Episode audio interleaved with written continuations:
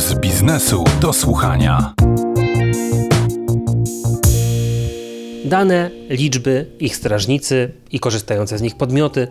Zostawmy na chwilę to uniwersum, w którym jak ryba porusza się Dominik Roskrót i spójrzmy na sprawę nieco z boku. Marzena Strzelczak kieruje stowarzyszeniem Forum Odpowiedzialnego Biznesu, które angażuje się w to, by biznes patrzył szerzej niż tylko na swój własny interes. Czy więc ekonomiści, statystycy, menedżerowie zajmują się właściwymi wartościami w swoich obliczeniach, aby opisać, co tak naprawdę wytwarzają, czy może inaczej, tworzą?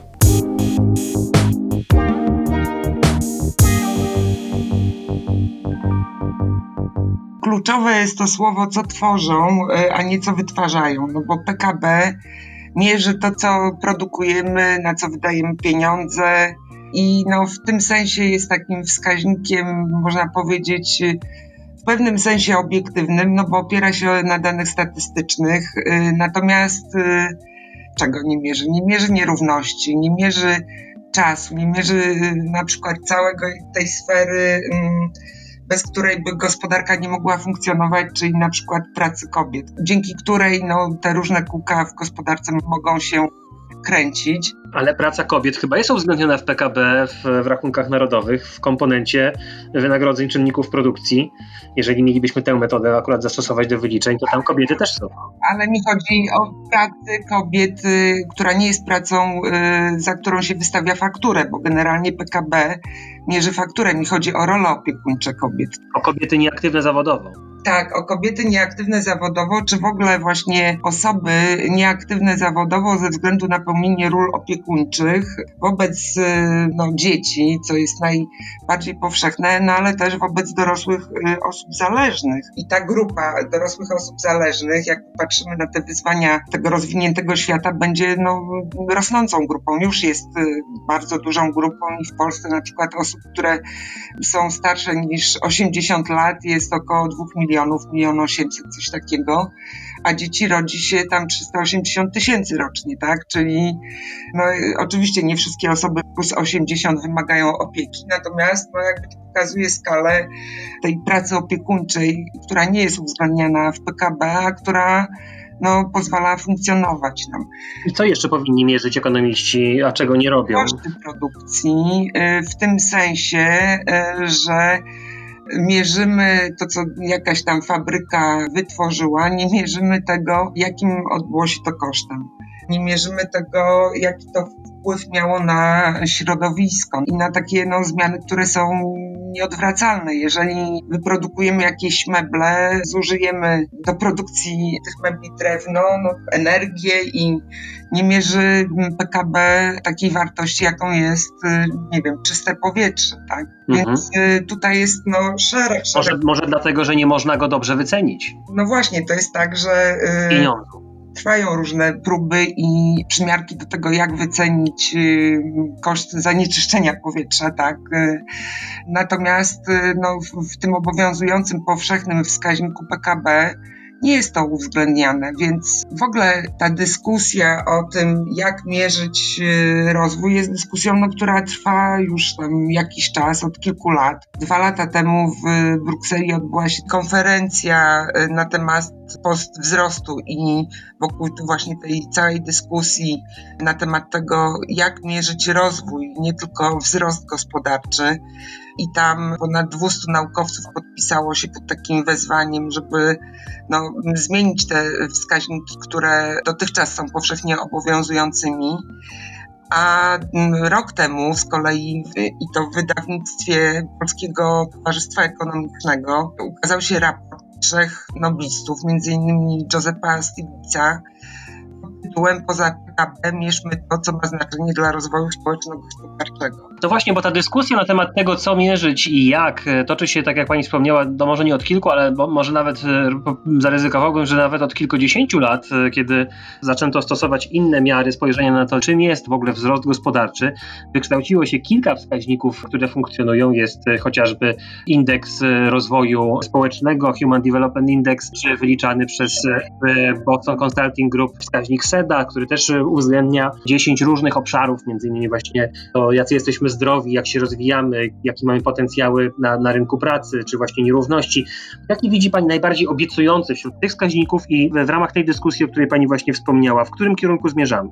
Nie, y, nie mam tutaj zdecydowanego, wyrobionego zdania, dlatego że no, te wszystkie dyskusje wokół innych wskaźników niż PKB pokazują też braki innych wskaźników i tego, że no, zarówno wybierane do, do innych miar mierzenia rozwoju parametry, jak i wagi, którym im autorzy tych wskaźników przypiszą, no, są takimi, którymi no, nie są całkowicie obiektywnymi, tak można wziąć inne miary i przypisać im inne wagi. Jak to jest też taki temat, który przed pandemią 2019 roku ukazał się taki raport, który mówił o poziomie służby zdrowia, rozwoju opieki medycznej na świecie i tam z tego raportu wychodziło, że no, Stany Zjednoczone są no, tutaj na najwyższym możliwym poziomie rozwoju. No tutaj to pokazała pandemia. No,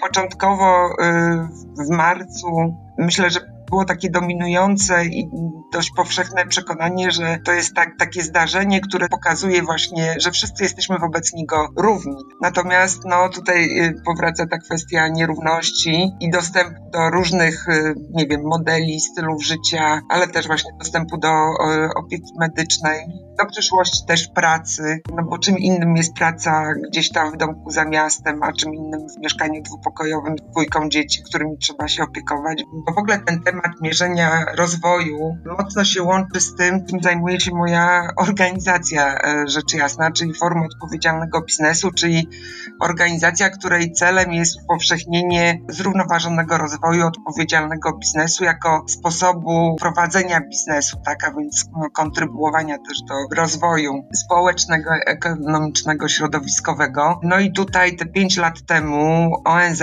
przyjął 17 celów zrównoważonego rozwoju, które mają być taką, no nie wiem, gwiazdą północy, która będzie prowadzić ten świat ku bardziej sprawiedliwej, bardziej efektywnej, z większym poszanowaniem środowiska naturalnego rozwoju. Skoro w takim razie nie klaruje się jakaś e, wizja jednego wskaźnika, który mógłby PKB zastąpić, może w takim razie w skali mikro są jakieś inicjatywy, które Pani zdaniem są warte, godne podkreślenia, które e, pokazują, że firmy, organizacje lub państwa liczą coś innego i uwzględniają w przygotowywaniu strategii właśnie rozwoju czy jakichś wewnętrznych regulacji w oparciu o inne wskaźniki niż wyłącznie ten biznesowy wymiar tego, ile coś się w złotych sprzedało, czy jaką mamy efektywność pracy kapitału i tak. No, firmy również korzystają ze standardów y, Global Reporting Initiative, czyli wskaźników GRI, których jest y, bardzo wiele. One y, dotyczą różnych obszarów y, wpływu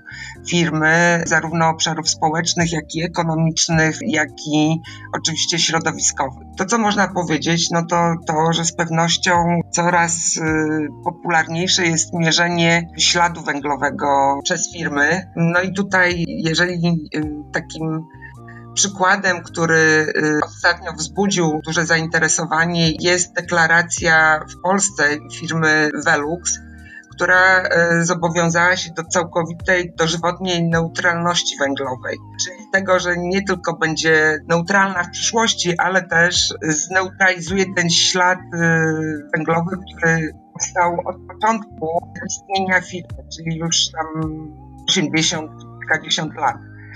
Ten wskaźnik jest pokazywany w raportach różnych, z różnych sektorów. No i to jest oczywiście, no, myślę, że, że warte zauważenia i pokazuje też większe zaangażowanie i zrozumienie, dlatego że świat musi rozwijać w inny, bardziej zrównoważony sposób przez biznes. Natomiast takim ciekawym też wskaźnikiem jest też wskaźnik, który opracowała taka organizacja World Business Council for Sustainable Development, który jest y, wskaźnikiem cyrkularności danej y, organizacji. Jak wiemy, no, tym problemem współczesnego świata jest to, że konsumujemy za dużo, za dużo zużywamy zasobów, więcej niż może nam dać y, planeta, na której żyjemy, więc przesunięcie w kierunku gospodarki cyrkularnej, która wykorzystywałaby te zasoby, które już pozyskaliśmy ze środowiska naturalnego jest no, bardzo ważne. Zwłaszcza, że no, jak popatrzymy na dane, tylko